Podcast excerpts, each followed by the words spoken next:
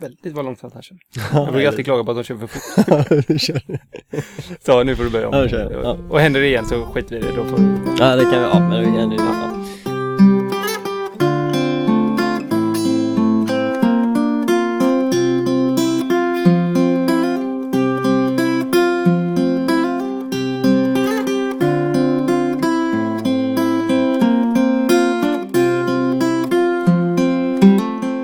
Välkomna till Solcellspodden avsnitt 16. För första gången sitter vi faktiskt utomhus.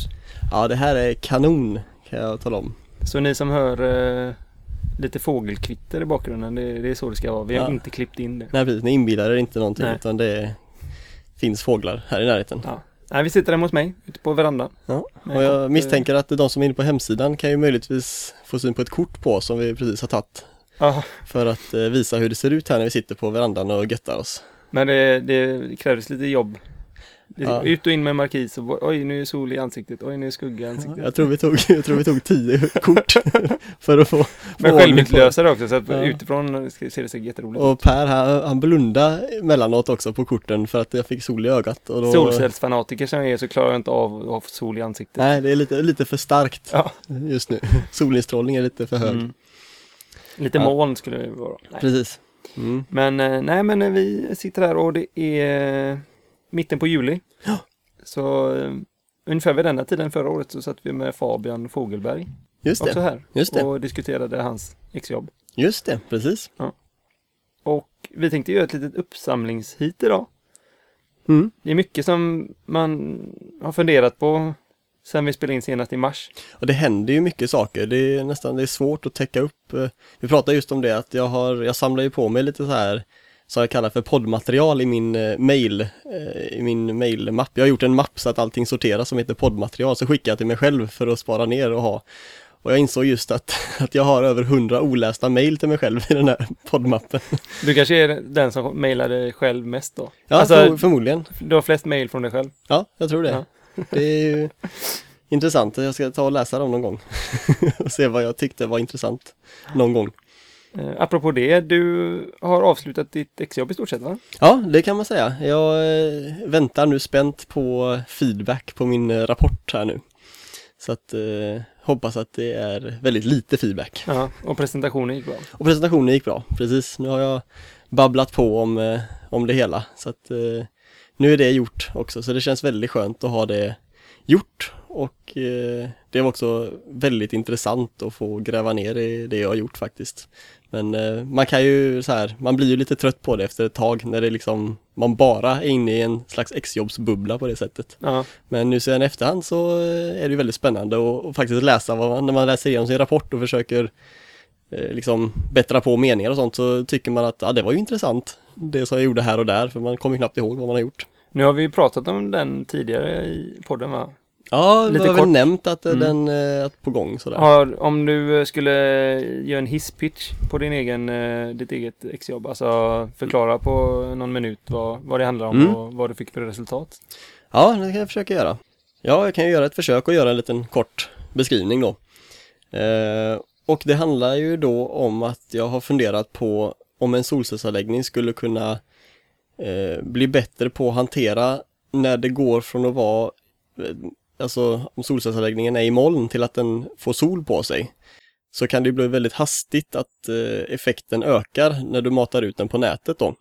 Eh, och det kanske inte alltid är bra för nätet, framförallt om det är en stor solcellsanläggning. Dels för, eh, för spänningsnivån i nätet som kanske kan wobbla lite och dels för nätet som helhet. Om det är väldigt stora anläggningar som gör det här så kan det ju bli lite frekvensvariationer om, om effektinmatningen ändras väldigt snabbt.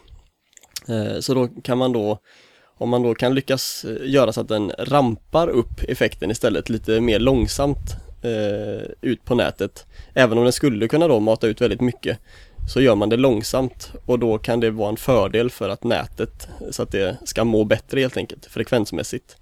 Så det är det det har handlat om egentligen och så har jag hittat på då ett sätt att eh, göra det. Eh, helt enkelt. Och det har varit lite klurigt alltså. Det var inte, det kändes från början ganska rakt fram att man bara sätter någon slags begränsning på hur snabbt effekt får öka. Eh, och principen är ju sån, bara det att hur det ska gå till rent tekniskt i växelriktaren var lite klurigare. Så det har varit väldigt spännande att klura ut hur man kan göra och slutresultatet blev också faktiskt, jag blev väldigt nöjd med att det funkar så som jag ville att det skulle göra. Så det var kul. Vad roligt.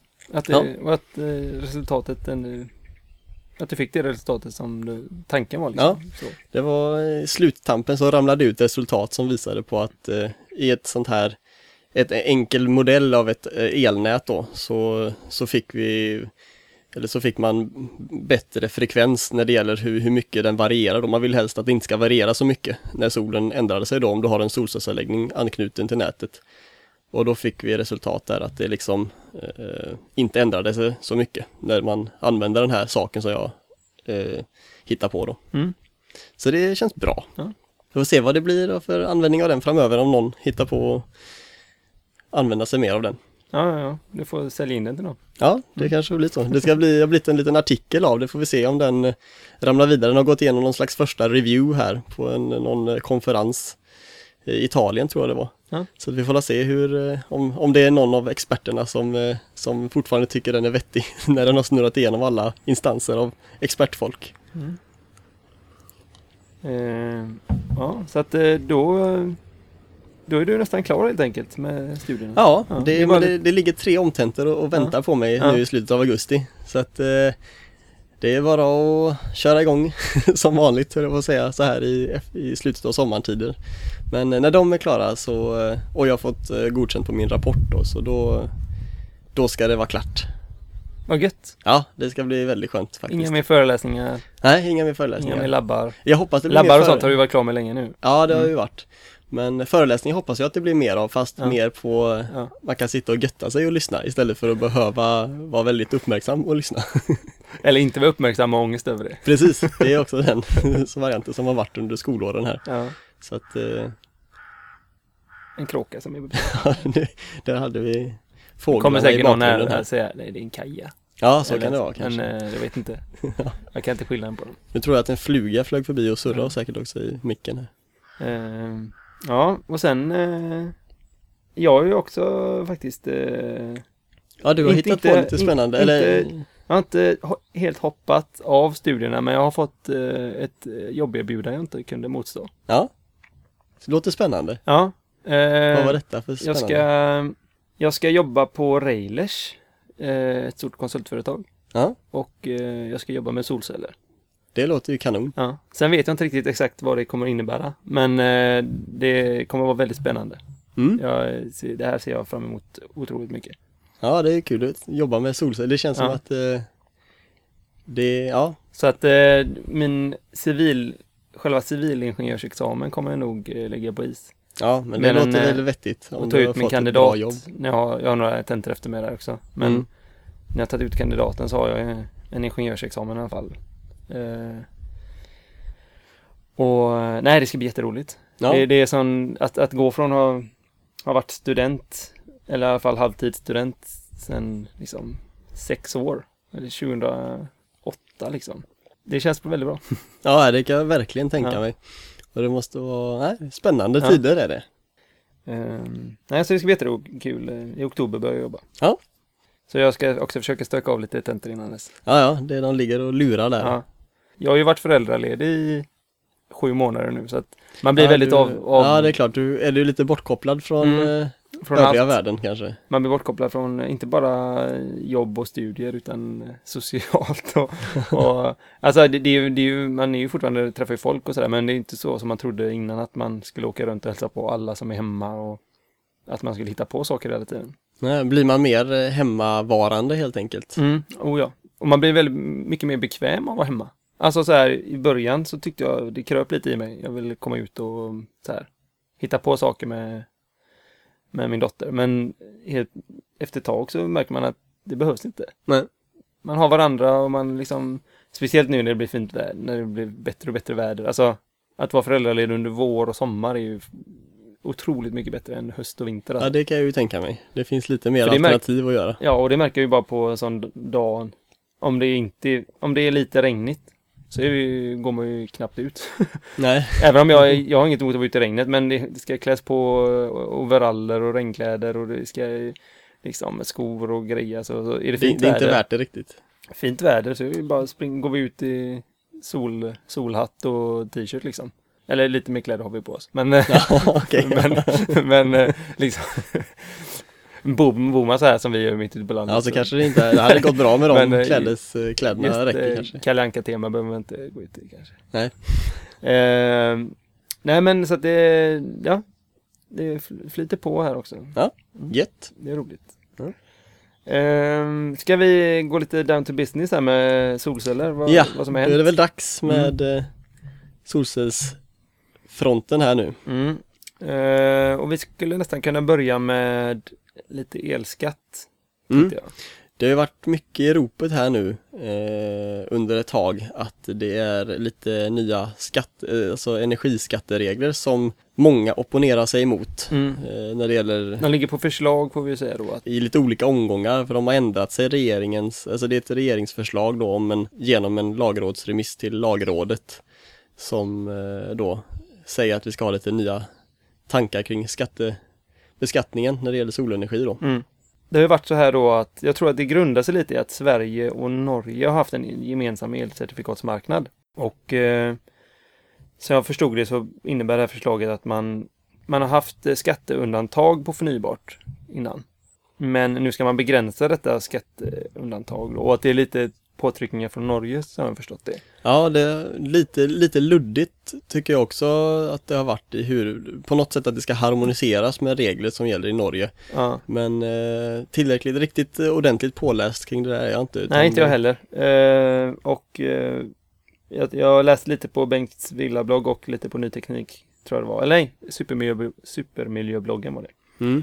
Eh, men det här undantaget då beskylls, alltså skatteundantaget för förnybart beskylls lite för att det snedvrider elcertifikatsmarknaden Mm. på något sätt. Så att då har man kommit fram med nya regler för förnybar energi, sol och vind. Mm. Och från början så var det sagt att om man har en solcellsanläggning större än 144 kilowatt så ska man betala helt enkelt betala mer. Ja, då ska man betala ja, du ska energiskatt. betala en energiskatt eh, på för den, den- du producerar. För det, så om du matar, alltså så här, om du matar ut el om man säger så och säljer el eller får ersättning för det då skulle du då bli skatteskyldig för, eh, för hela, alltså det även det du använder själv Ja. var utgångsläget i den här eh, lagrådsremissen då. Men nu har de i alla fall nu har de höjt det här eh, gränsen till 255 kilowatt istället. Från början, jag vet inte om det ändrats, men jag antar att det gäller samma, att det gäller per juridisk person också. Precis. Och det är en väldigt viktig del i det här att om till exempel ett bostadsbolag, kommunalt eller icke-kommunalt spelar ingen roll, men om ett bostadsbolag skulle börja sätta solceller på sina hus, hyreshus, ehm, så skulle ju dels så skulle man ju väldigt snabbt komma upp i 255 kilowatt om man liksom börjar göra det i lite större skala. Och sen så skulle ju de här reglerna då faktiskt gälla, alltså att du har fem- 255 kilowatt per bolag i stort sett. Precis, per Och inte per hus eller inte per område eller någonting utan det är liksom per bolag. Och det begränsar ju väldigt mycket. Ja, då är du plötsligt inte fri från eh, skatt. Så det räcker ju bara några anläggningar så är du Ja. uppe i det här om du är ett bostadsbolag som har tänkt att installera ett gäng anläggningar. Så då gäller ju plötsligt inte den här skattebefrielsen på det sättet. Och det är fortfarande så att ett bostadsbolag är ju inte, är ju inte ett bostadsbolag för att vara elproducent. Utan de, men de sätter ju upp solceller för att kunna dra ner på sina energikostnader liksom. Precis. Så att jag vet inte riktigt hur man ska förhålla sig där, om det kanske är rätt att de ska betala skatt på det de puttar ut på nätet för att de Eller på, gör någonting som de egentligen inte... Alltså de affärsmässigt kanske driver någonting i vissa stunder som de inte... Problemet är att de också får betala skatt på det de använder själva. Ja. Alltså de får beskattas på allt Mm. så att säga. Så att eh, Ja, det är lite av en konstig och det är så, det är så lagrådsremissen ser ut idag. Mm. Men så läste jag också en slags, eh, som de har, ett slags kommentar i den här lagrådsremissen som stod att regeringen liksom funderar på detta vidare, Mm. så att säga, någon liten rubrik. Det blir väldigt snabbt eh, ramaskri på de här remisserna och det kändes som att den inte var riktigt genombetad från början liksom. Precis. Så att det, det är svårt att göra färdigt någonting innan man fått kritiken. För att det, det är det som en opposition är till för liksom, eller kritik i allmänhet, vad man än gör. Skriver man någonting så vill man ju ha feedback liksom innan man beslutar. Mm. Och det är ju viktigt, det är ju en demokratisk process liksom. Mm. Så att man får, det, ja, man får se det som en process mer än ett, ett beslut. Liksom. Precis, och på det temat då, den här eh, som jag såg att de hade skrivit en liten extra tillägg i, i den här lagrådsremissen och det var att eh, som det står att regeringen avser att eh, se över förutsättningarna för den, att ska, skattemässigt gynna eh, solcellsproduktion eh, som sker inom samma inmatningspunkt. Så att det var alltså en slags, de tog lite höjd för att vi kommer nu att utreda vidare om det är så att vi verkligen ska ha den här begränsningen per juridisk person eller om vi faktiskt ska eh, köra per anläggning istället. Så att eh, det känns spontant som att eftersom regeringen som det ser ut nu är ju ganska pro solenergi, alltså som, som eh, en källa som ska liksom lyftas fram och, och, och privilegieras. Mm. Eh, så det lär väl med stor sannolikhet bli så att det kommer bli kanske per anläggning som vi hamnar Och det är i ju väldigt vettigt för att då får du ju ett incitament att ha produktion och konsumtion på samma punkt. Precis. Eh, och då blir det ju mindre förluster. Alltså så här att vi kanske sätter upp en, annars så kanske vi sätter upp en solcellsanläggning där det inte riktigt eh, gynnar nätet eller om man säger så. Alltså om du har produktion och konsumtion på samma ställe och de är anpassade för varandra liksom. Så, så når man ju oftast bäst resultat. Mm. Desto mindre el du behöver transportera på nätet, desto bättre. Precis. Och med den här eh, lösningen då, att man skulle ha inom samma inmatningspunkt, eh, då, kom, då liksom kan man säga att de får bort, om man nu ska säga, säga att man får bort ett problem, eh, att du kan mata in el på ett ställe och sen ta ut den någon annanstans. Så länge du är inom samma juridiska person så har det varit nu Alltså det har landat i de lagbeslut som har tagits att det har varit okej okay. och jag, det blir ju med det här nya förslaget då så kommer man nog inte kunna göra så eh, om det här som står i den här lagrådsremissen eh, blir verklighet då. Eh, och det är ju lite synd kan man ju tycka. Men många argumenterar ju också för att det här med att, med att eh, mata in på ett ställe och ta ut på någon annanstans att det inte är optimalt att bygga energisystemet med solceller på det sättet i och med att du inte, då får du inte användningen på samma plats som du producerar eh, då. Så att eh, Nej, det Ja, känns som att de inte blir anpassade för varandra och alltså Det är två helt fristående saker egentligen då och då Tanken är ju egentligen att man ska sätta upp solceller för att anpassa till sin konsumtion liksom. Eller Ja. i alla fall Alltså visst, det är jättebra att vi har mycket förnybart som puttas in i nätet så att alla får använda det liksom.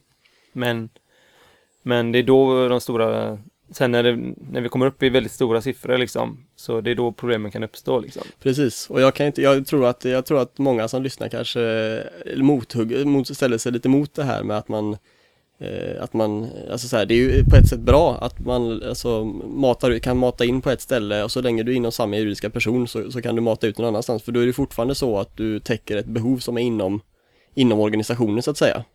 Ehm, och ja, så att det är väldigt svårt, alltså i dagsläget så är det ju inte ett problem så att man kan ju tycka att det kanske skulle kunna vara kvar, att det är okej att göra så fram till dess att det, det blir något slags problem när det blir ett mer större skala och då skulle man kunna begränsa fortsatta anläggningar. Men det här är en väldigt, väldigt, eh, alltså det är mycket debatt kring den här frågan, vad som är rätt och fel och så där vidare. Så att det kommer nog att, att bollas rejält fram och tillbaks framöver, vad som är den, en bra lösning för systemet som helhet då. Ekonomiskt idag så gynnas du ju lite av att överdimensionera din anläggning. Eftersom att du, en, en liten anläggning kan man göra lite för stor och gynnas väldigt bra av det. För att det kostar inte så mycket att sätta upp några extra paneler. Samtidigt som du får bra betalt för den elen du... Precis, det, Säljer. och det, precis, och det, ja, och det gäller ju och, och så som du säger i, om du inom samma juridiska person har en tanke om att du har ett jättestort tak på ett ställe, då kan du bygga jättemycket solceller där och mata ut för att kompensera för användning på många andra ställen. Jag kan bara lägga till också att eh, man ska komma ihåg att de här grejerna eh, när det gäller de här gränserna på 255 kilowatt och så vidare det är ju mer relevant för, för större anläggningar och kanske företag eller eh, sådana som har föreningar och som har andelsägande och sådana saker. För det är ju ganska stora anläggningar vi pratar om Eh, i det här fallet som berörs av de här reglerna fram och tillbaks. Eh, men som gemene villaägare som har en solcellsanläggning på taket så är man ju i grunden eh, ändå skatte, alltså man behöver inte betala energiskatt så länge du inte så att säga får ersättning för din sålda el på mer än 30 000 kronor per år. Och då måste du komma upp i ändå en ganska stor storlek på din anläggning för att det ska vara aktuellt.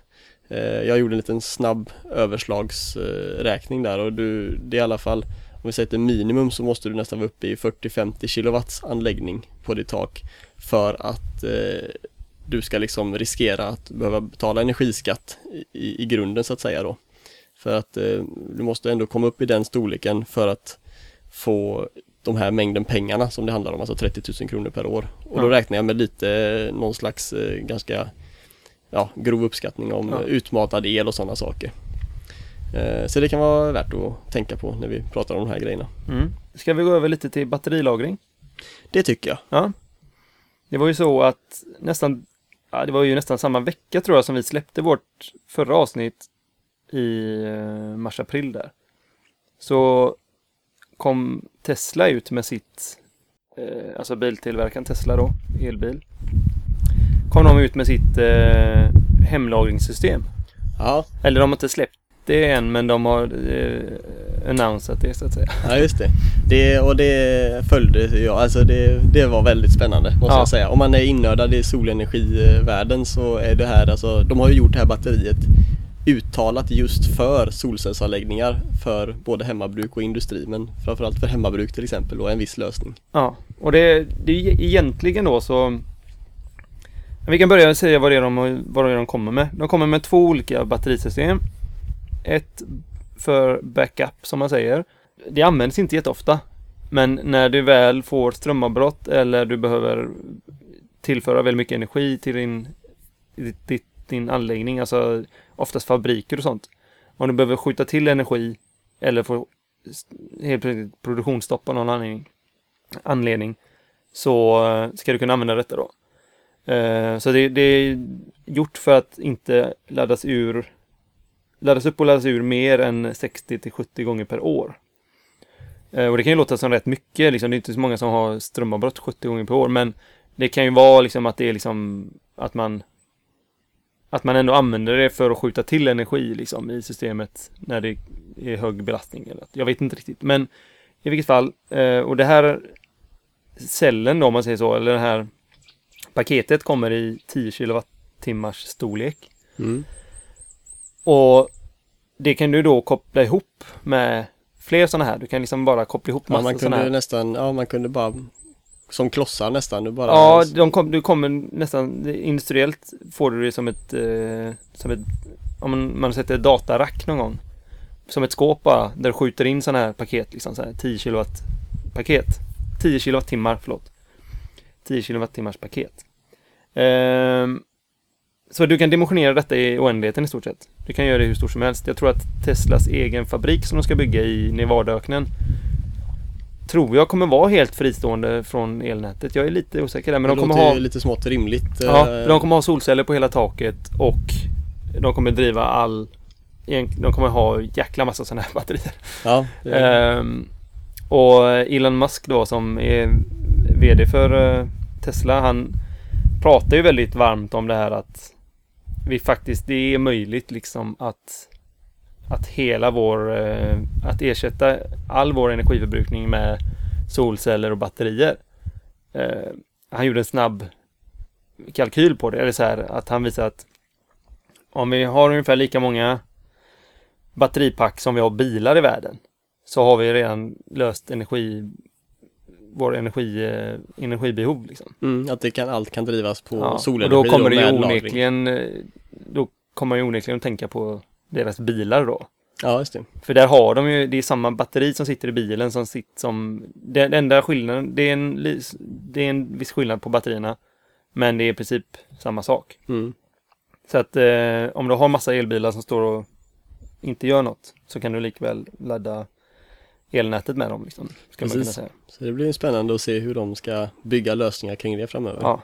Det andra paketet de har då är som Daily Cycle som de kallar. Och det, det, det ska du kunna ladda ur. Ladda upp och ladda ur dagligen. Och då är det, det är lite det som man tänker för hemmabruk då att du när du har väldigt mycket överproduktion mitt på dagen så laddar du batteriet och sen när solcellerna slutar producera på kvällen så kan du ladda ur batteriet och så har du 7 kilowattimmar där och det är ungefär vad man kan förvänta sig av en kväll och natt så. Elförbrukningen liksom. Mm.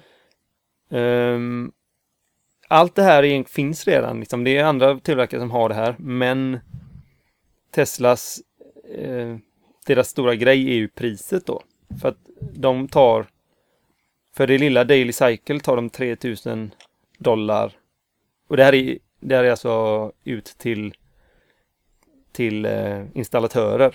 Mm. Så att runt 5000 dollar tror jag de räknar med att det kommer att kosta ut till kund. Mm. Ehm, och så, man får ju i stort sett lägga, jag, jag inte ihåg- nu vet inte jag vad ett vanligt batteripack kostar, men om man köper från någon annan tillverkare så var det minst 3, 4, 5 gånger dyrare. Så pass mycket? Ja. Ja, intressant. Ehm, så i alla fall tre gånger dyrare tror jag någon sa. Ehm, så det är där de kommer eh, vinna mark då kanske, att de kommer göra det här billigt. Mm. Och det har ju varit den stora liksom, stoppklossen för det här med överhuvudtaget batterilagring. Mm. Att man eh, länge har sagt att alltså, det är inte lönsamt Nej. helt enkelt. Så att eh, om de kommer och massproducerar och kan trycka ner de priserna så, och kanske till och med att andra tar efter. För det är också lite det Teslas eh, grej där att de delar ut patent höger och vänster. Alltså de, de håller ju inte hemligt hur de, hur de bygger sina produkter utan de delar ut eh, mer eller mindre väl, eller kanske du har bättre koll på? Ja, de, just, de släpper ju sina patent fritt som jag förstår det. Att eh, vem som helst, eh, alla andra tillverkare får använda samma teknik. Mm. Eh, sen de- vet inte jag exakt hur gränsdragningen görs. Man kan inte bara ta Teslas batterier tror jag, liksom, och köpa dem och så sätta in dem i en annan elbil. Tror jag inte, eller jag vet inte. Nej, det verkar i och för sig, men det lite, nej precis. Eller jag vet faktiskt inte. Men, Men, principen lite den Mm. att de, att de, för att de vill ju, de vill ju trycka ner priserna för att de vill ju på det sättet bygga sin egen, de vill promota sin egen eh, nisch av produkter så att det blir stort i världen om man Mm. säger så och då tjänar de på att andra också hjälper till att trycka ner priserna. ja, jag ska lägga till här att eh, de här två batterierna, de här två olika lagren, eller olika systemen, det är olika kemi i batterierna. Det var det som var skillnaden tror jag. Okej, Att det är någonting som är mer anpassat för långtids det låter ju väldigt rimligt Lagring att de eh, ja, anpassar det så. Ja, för det är ju litiumjonbatterier, det är ju inte sådana här, tänker man batterilager idag så tänker man oftast bara sådana här blybatterier, bilbatterier i stort sett som är seriekopplade och parallellkopplade i Mm. mängder liksom. Mm. Men det här är ju litiumjonbatterier, moderna grej liksom. Mm. Ehm, Sen en sak med den där eh, som man såg när han gjorde sin prestationsfilm där då, eller ja, eh, när Elon Musk stod och pratade. Eh, Så slogs man ju av att eh, de har ju fattat det här att design är en viktig grej. ja, ja. Alltså det är inte nu, det är inga sådana här eh, Han pratar ju mycket om det att det är inga här fula rack som det står i garaget med som du säger blybatterier i rader som bara står och ser allmänt eh, ja, Farliga det, beror, ut. farliga ut. Det beror ju på vad man så här. Det kanske är häftigt för vissa, tycker det är jättekul att ha det i källaren i och för sig men Men den som vill sälja in det till alla i familjen höll jag på att säga så kanske det är snyggare att det, det sitter en designsak på väggen. Ja, de är ju de är väldigt snygga de här. Alltså det är, den, det är en, det står, det är en vit plastkåpa och står Tesla på den och den är 18, jag tror den var 18 centimeter tjock. Alltså i tjocklek, vilket är väldigt lite. Mm. Sticker inte Eh, ut så mycket från väggen helt enkelt. och eh, jag vet inte, men någon meter hög och sådär. Jättesnygg bredvid en Tesla i eh, garaget, alltså Mm. så bredvid, bredvid bilen liksom. Om du har, speciellt om du har en liten, eh, deras egna lilla snabbladdnings eh, och sånt också. Mm. Jag tror så här att, att för de sålde ju slut med en gång. Alltså, ja, de, har gjort det. de har fått beställningar så att det är de, har slut fått, alltså. de fick 40 000 beställningar på första helgen eller något sånt. Ja, det säger ju väl en del. Ehm, så det här är ju ingen, alltså det är ingen ekon... Vet du, jag tänkte, vi tänkte komma in på detta nu att hur ekonomiskt är detta? Alltså hur... De flesta som har en, en Tesla-bil har ju pengar att strössla med liksom. För den kostar ju pengar. Och det är ju mer status än... Jag skulle vilja säga så här att det är ju inte den vanliga miljöentusiasten eller miljöaktivisten som kör runt i en Tesla. Det är ju en, en person med pengar. Och som kan köpa en fräck bil och samtidigt göra en väldigt grön... Eh, man får en grön... En grön, Grön stämpel på sig Ja, man får, ja precis. Jag Så skulle- att jag- gott samvete kunna köra runt i en bil som kostar väldigt mycket pengar och Mm. få väldigt mycket status. Mm. Jag skulle vilja flika in med en grej där ändå att eh, så som jag förstått det när det gäller i Norge då, är det, då håller jag ju med om att det är ju säkert de här grejerna som också styr. Men att där är det ändå, vad jag förstått det som, i princip en, en, eh, en tanke kring lönsamhet också som styr på grund av alla fördelar du får Mm. med Tesla-bilen. Alltså så här med du får köra i vad det nu är, bussfilen och du Ja. får parkera Ja, med elbilar i allmänhet. och, och, och så, bränslekostnad. Det är ju en hög initialkostnad men vissa, vad jag förstår det som i alla fall, har köpt den just för att det är en bra investering. Eh, så, eller anses vara en bra investering då. Men eh, ja, det finns båda sidorna Ja. där garanterat. Och sen Det- just, just Tesla är väldigt förmånligt på många sätt för att de, deras affärsidé är ju att de själva säljer bilarna. De har inga återförsäljare. Så att eh, nu öppnar de ju till exempel upp i, nu blir det här en Tesla-reklam med den här podden, men de öppnar upp en eh, butik här i Mölndal eller i Göteborg. Jaha, Ja, Mm. så du kan åka dit och provköra och allting. Det låter spännande. Ja, och eh, så att det är Tesla själva som säljer bilarna och det är Tesla själva, de, de sköter andrahandsförsäljningen också. Så att när du vill uppdatera din bil, alltså du köper en ny bil, eh, så, så kan du liksom åka till en Tesla-butik, sälja din gamla bil, så säljer de den åt dig. Och den nya kunden som köper den gamla bilen får nybilsgaranti på den i några år. Mm, det är ju väldigt smart. och uppdateringar och mjukvara och allting sånt och fixat liksom. Så att det, det är ett enormt fördelaktigt Alltså de har Det är enormt fördelaktigt att liksom att vara inne i den sfären tror jag. Mm. Eh, och sen är det ju det att du har ju inga Alltså du har ingen, du har inte bensinkostnader liksom. Du har ju el- elkostnad liksom och då Det är helt andra faktorer som påverkar liksom hur mycket det kostar att faktiskt transportera dig. Mm. Så att jag, jag är ju, alltså jag, jag, jag blir ju nopprig så fort jag ser en Tesla-bil. Alltså. Mm. Jag, jag tycker det är så, och jag fattar inte för jag, är inget, jag har inget bilintresse. Jag Nej. gillar inte bilar överhuvudtaget. Eller så här, jag tycker det är bra med bilar. Att jag tycker det är skönt att Du köra har bil. inget emot dem liksom? Nej, jag har inget emot dem, men jag har inget bilintresse. Jag har aldrig, inte, typ alla så här, när man var liten så här så tittade alla på en Ferrari och så här, åh, så här, en dröm att äga en Ferrari eller något sånt. Jag har liksom aldrig haft något intresse för bilar. Men när det kommer till elbilar så är, blir jag som ett barn. Mm. Jag fattar inte vad det är. Och jag, det är inte så att jag, jag, jag har ju aldrig kört en elbil själv, men det är liksom bara så här liksom, eller jag har ju så här hybrider och sånt har jag kört, men liksom det är så här jag fattar inte vad det är. Det är någonting som inom mig, det jag tror det är det här eltekniken. som Eltekniken som eh, ligger och lurar, ja. och att det sammankopplar med solcellerna så fint och att det liksom Det finns en sån här video på Youtube när man får se när de tillverkar bilen i sin fabrik liksom. Och jag satt och som ett barn bara tittade liksom när de lindade mot, motorlinningarna liksom. Jag satt, nej, det var så roligt. Ja, det är Så kul det- när man eh, mm. fastnar för något på det sättet Ja. och där liksom Eh, så att eh, mitt stora mål är ju att köpa en elbil och jag hade Kan inte det, backat för att köpa en nej, Tesla jag liksom. tänkte säga det. Men Det lär väl kanske stå en Tesla här om i, Ja, i någon slags det är ingen framtid. tidsrymd på det. Nej, jag nej, det är Men, pengar eh, som styr. Men eh, det är ju, ja, jag vet inte, det är, det är, och så är det någonting med liksom själva, ja, ha, ja, jag tror att det är ungefär samma känsla.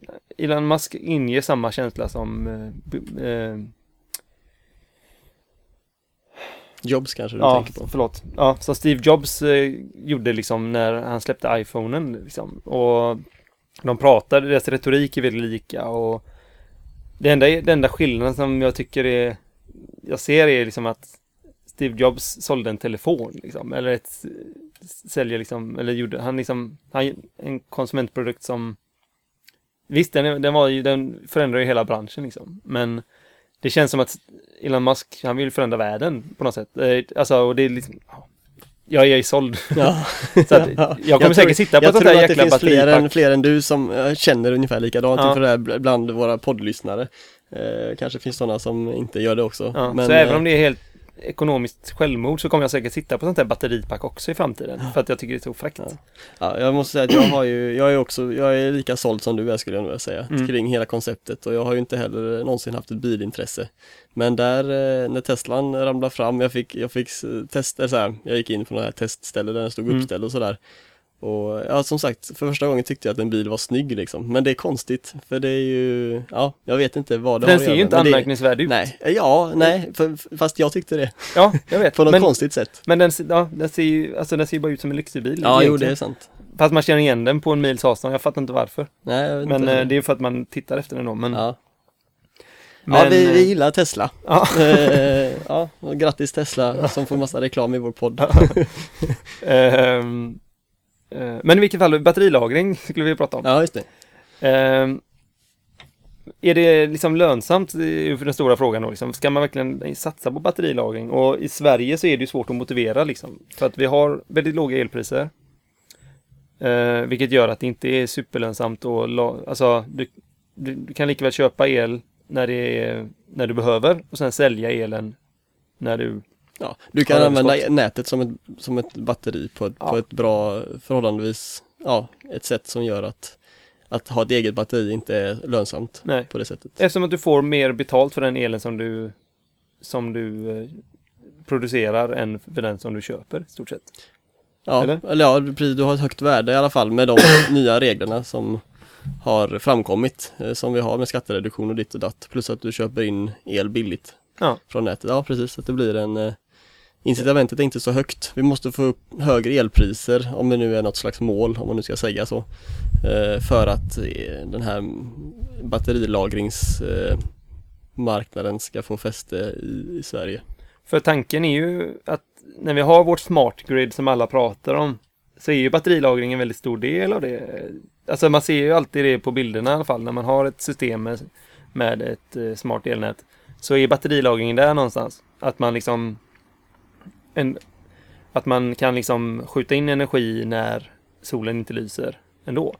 Ehm, och man kan ju även dra nytta av batterilagringen till exempel då att, att eh, hjälpa nätet med frekvens och spänningsreglering. Eh, nätnytta som vi pratar eh, jag vet inte om vi har pratat om det i podden men vi pratade om det förut innan vi satte på micken i alla fall. Mm. Att, eh, att man kan få betalt av elnätsägaren för att du gör nätnytta helt enkelt. Nu, nu var det inte så mycket pengar som... Nej, i Sverige är det inte. Det handlar om ett gäng ören. Ja. Det var den senaste som jag pratade med en som har satt upp en solcellsanläggning och det var fem öre per kilowattimme man får när man matar ut. Det skiljer lite bland el, elnätsägarna då. Mm. Men ehm, ja, För du kan ju både liksom eh, ta, ta last från nätet när det behövs och ge kraft i nätet när det behövs. Så att, precis. Och det är framförallt att då de stora eh, elnätsägarna, eller de eh, elproducenterna eh, de minskar ju, tanken är att du minskar förlusterna när de ska föra över el från eh, norra Sverige någonstans ner hit. Eller så sitter det en solcellsanläggning på ditt tak. Då är det ju bra att de behöver inte få de förlusterna i ledningarna som är hela vägen uppifrån eh, vattenkraften uppe Nej. i Norrland. Så att då får du betalt för det på det sättet att du får en nätnytta-ersättning då. Och man, jag skulle kunna bara spinna på på det temat med att vad du kan eh, få nytta i nätet. Nu ramlar jag tillbaks, eh, för- i och med mitt exjobb här så, så sneglar jag lite på hur det ser ut i andra länder kring det här med när den här grejen som jag hittar på skulle kunna eh, vara vettig att använda då. Så bland annat i Puerto Rico, eh, som är, alltså det är ju en ö då, mer eller mindre, eh, på, ett, på riktigt ett ö, ödriftsnät kan man säga. Eh, och där har man då nyligen, där och i, och i Sydafrika och så var det någon merstans som man har infört regler för hur snabbt man får, får mata, alltså hur snabbt man får ändra utmatningen av effekt från solcellsanläggningar.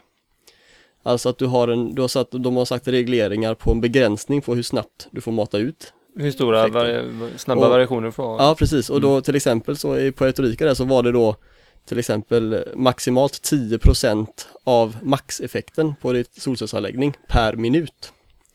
Så att eh, du liksom måste du se till att du, du inte, du får liksom inte bara trycka ut massa effekt plötsligt liksom. Utan, och där kommer ju batteri eh, lagren, alltså lagring in på ett väldigt, väldigt konkret sätt att för att uppfylla de här reglerna för att överhuvudtaget ha en solcellsanläggning så kommer du snart att behöva ha Mm. el, elnät, eller eh, batterilösningar så att säga. Eller då hittar man på att göra det som jag gjorde i mitt exjobb utan batteri. men, eh, ja, men eh, tanken där är ju att eh, jag tror att det kommer bli mer och mer viktigt att man har sådana här eh, batterilagringar till att hjälpa nätet liksom. Och att det kommer privilegieras och kanske då generera att man kan få mer nätnytta om du har ett batteri i din anläggning. framöver. Och sen tanken är väl att det ska vara lite oundvikligt också om alla har elbilar liksom. Att du har ett batterilager i bilen som, som kan hjälpa nätet när det behövs. Men, men sen är det också så att då måste man kunna lösa det här att Ska jag slita på mitt bilbatteri för att hjälpa elnätet liksom? Det är på en jättedyr bil. Det är, det, och där batterikostnaden är den stora delen också. Precis, och slitaget på batteriet är en viktig del i ekvationen. Ja, Så att där måste det ju till ersättningar för att, för att för att få till att folk ska tillåtas, eh, tillåta elnätsägaren att använda ja. batterierna man har själv. Jag hörde eh, ett litet rykte också på nätet att eh, de här eh, första batterierna som de säljer, Tesla här, alltså Powerwall-batterierna, Mm. att det är något lager som de har liksom så här tillverkat för många eller att det är andrahandssorteringsbatterier som man får eller något sånt. Alltså, Att det är därför de kan sälja dem så billigt. Intressant. Eh, men det är, jag vet inte, jag förstod inte riktigt varför eller vad. Nej, det kan ju Mm. vara säkert. Men det kan ju vara något att de, om de inte kunde använda sig i bilarna men kan använda sig i hemlagring på något sätt. För att, jag vet inte. Ja men visst, alltså det är väl möjligt Mm. att vissa applikationer kanske kräver, alltså bilindustrin har ju ganska så speciella krav Ja. när det gäller väldigt mycket saker, elsäkerhet och annat. Mm. Så att eh, det får liksom inte finnas några som helst defekter på cellerna och sådana saker. Det måste, och de måste vara identiska också och uppfylla krav för att eh, du, ja, det är mycket mer viktigt att saker och ting stämmer där tror jag än kanske på ett eh, Mm. hemmalager. Även om den självklart måste, den får ju inte gå sönder eller orsaka problem och brand och sådana saker. Men just funktionsmässigt liksom hur, hur bra de är kanske är mindre viktigt Mm. i hemmet än i bilen.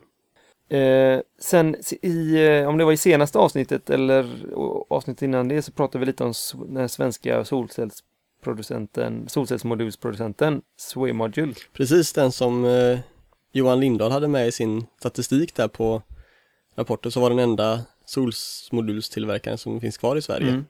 Bara någon dag efter vi hade poddat eller sådär så läste jag att de har gått i konkurs. Ja, väldigt tråkiga nyheter. Ja, ehm, och de senaste nyheterna jag kunde hitta var liksom från 13 mars och då var det att de fick en månad till eh, under konkursförvaltare i produktion i små volymer. Så jag har ingen aning om vad som har hänt där. Nej, det blir... Men det är jättetråkiga nyheter. Det stod något litet på ett hörn om att eh, det eventuellt kanske är någon intressent som ska ta över. Mm. Eh, men eh, det var ju väldigt, väldigt osäkra. Om någon vet något så får de gärna höra av sig till oss Precis. så vi Skriv kan uppdatera oss för att vi har ju bara snabbt googlat det här nu och inte hittat någonting nytt. Ja.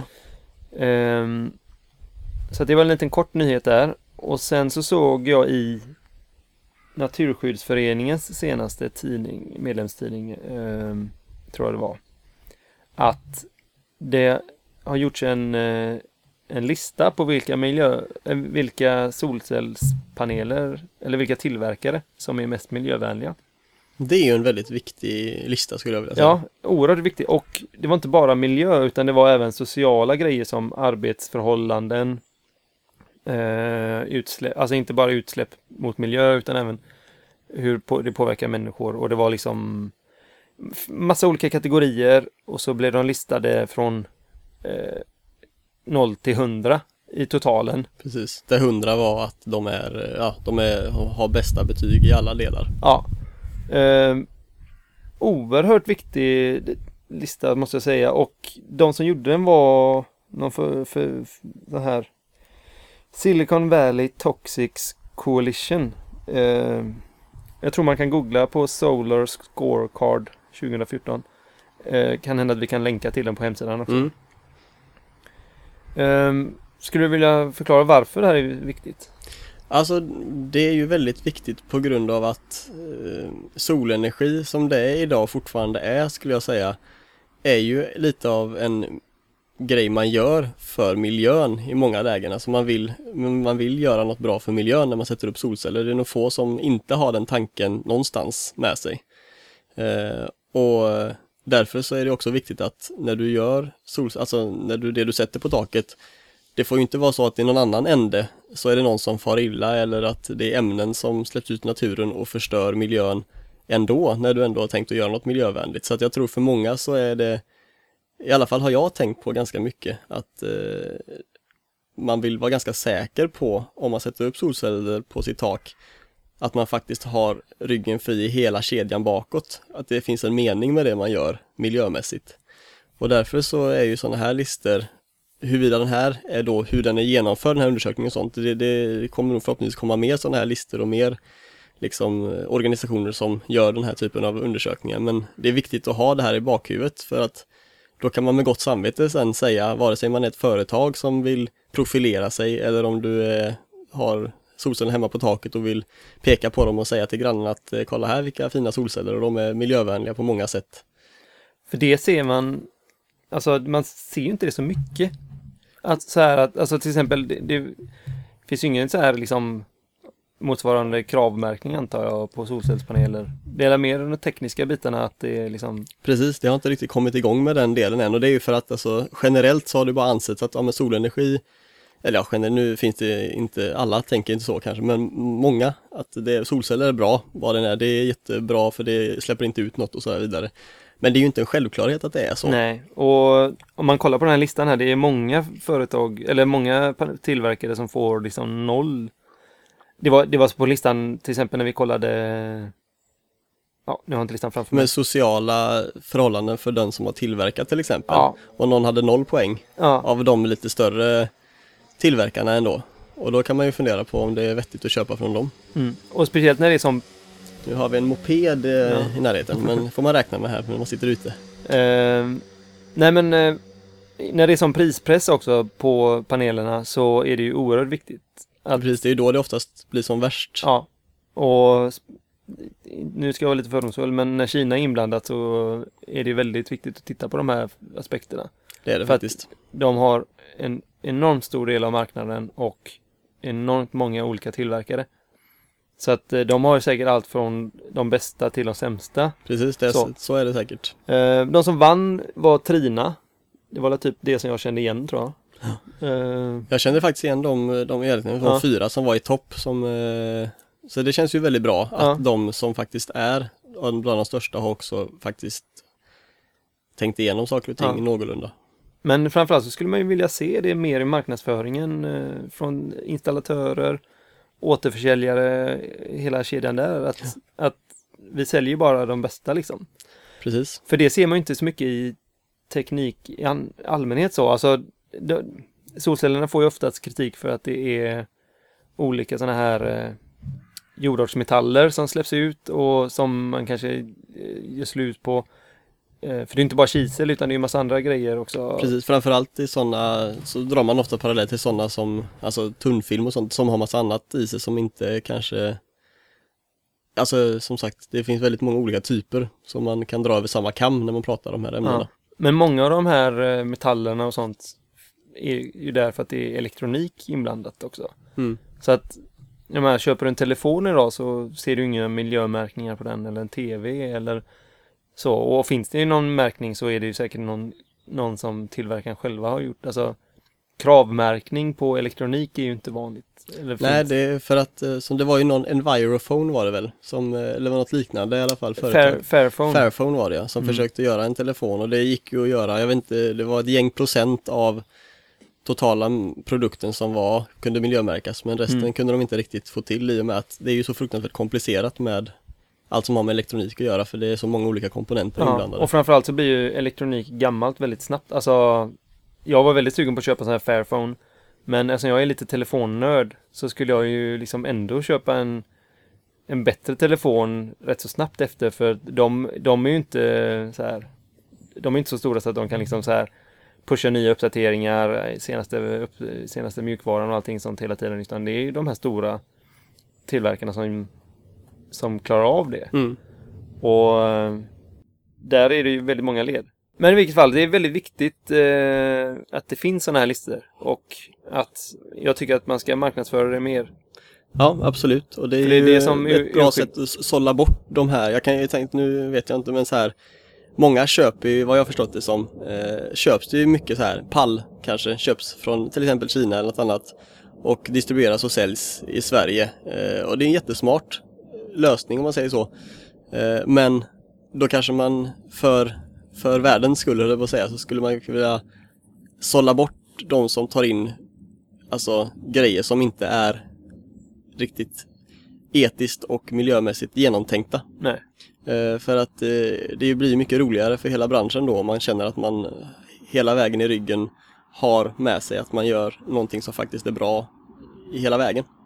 Och, och sen eh, så dödar det många av motargumenten mot solel också. Precis, det är det får man också väldigt tänka på. ofta man hör att från de som är kritiska till solel att, att jo visst du släpper inte ut någonting under produktions, elproduktionen men kolla bak i ledet så ser du att det är jättemycket vatten, energi eh, och eh, jordartsmetaller och så här.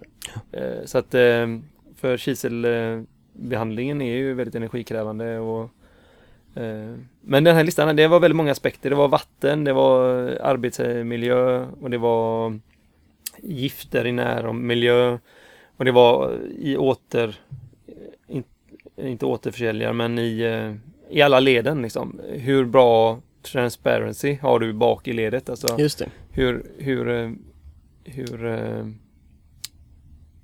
Ja, hur väl kan du faktiskt detektera vad som har hänt i, Ja. eh, i produktionskedjan? mm. Jag kan lägga till att eh, Johan Lindahl har ju släppt fullversionen av den rapporten vi recenserade i förra, eller förra avsnittet var det Ja, vi pratade om den i alla fall. Den här tvåsidiga pdf-filen som innehåller väldigt mycket bra information. Nu har ju fullversionen av hans eh, årliga rapport för svenska solenergimarknaden eh, släppts. Så den kan man ju snegla på om man vill eh, veta lite mer. Men sammanfattningen är det som man släppte innan då. Ja precis, han släppte Mm. sammanfattningen. Det var den som vi, ja precis den som vi har diskuterat tidigare. Ja. Så att det kanske finns lite mer matnyttigt att gräva ner sig i den Mm. rapporten. Ja. ehm, det är inte mer än så. Nej, det är väl så. Eh, Vi får diskutera lite sen vad vi ska snacka om nästa gång. ja, men det- precis. Som Det sagt, fin- vi kan ju börja med att beta av din lista. Precis, Då tackar vi för denna gången. det gör vi. Så hoppas vi att vi, ni lyssnar nästa gång helt enkelt. Ja, och ut i solen med er. Det är väldigt gött här ute. Mm. Och upp med solcellerna på taket. Ja. Tack. Ha det fint. Hej. Hej.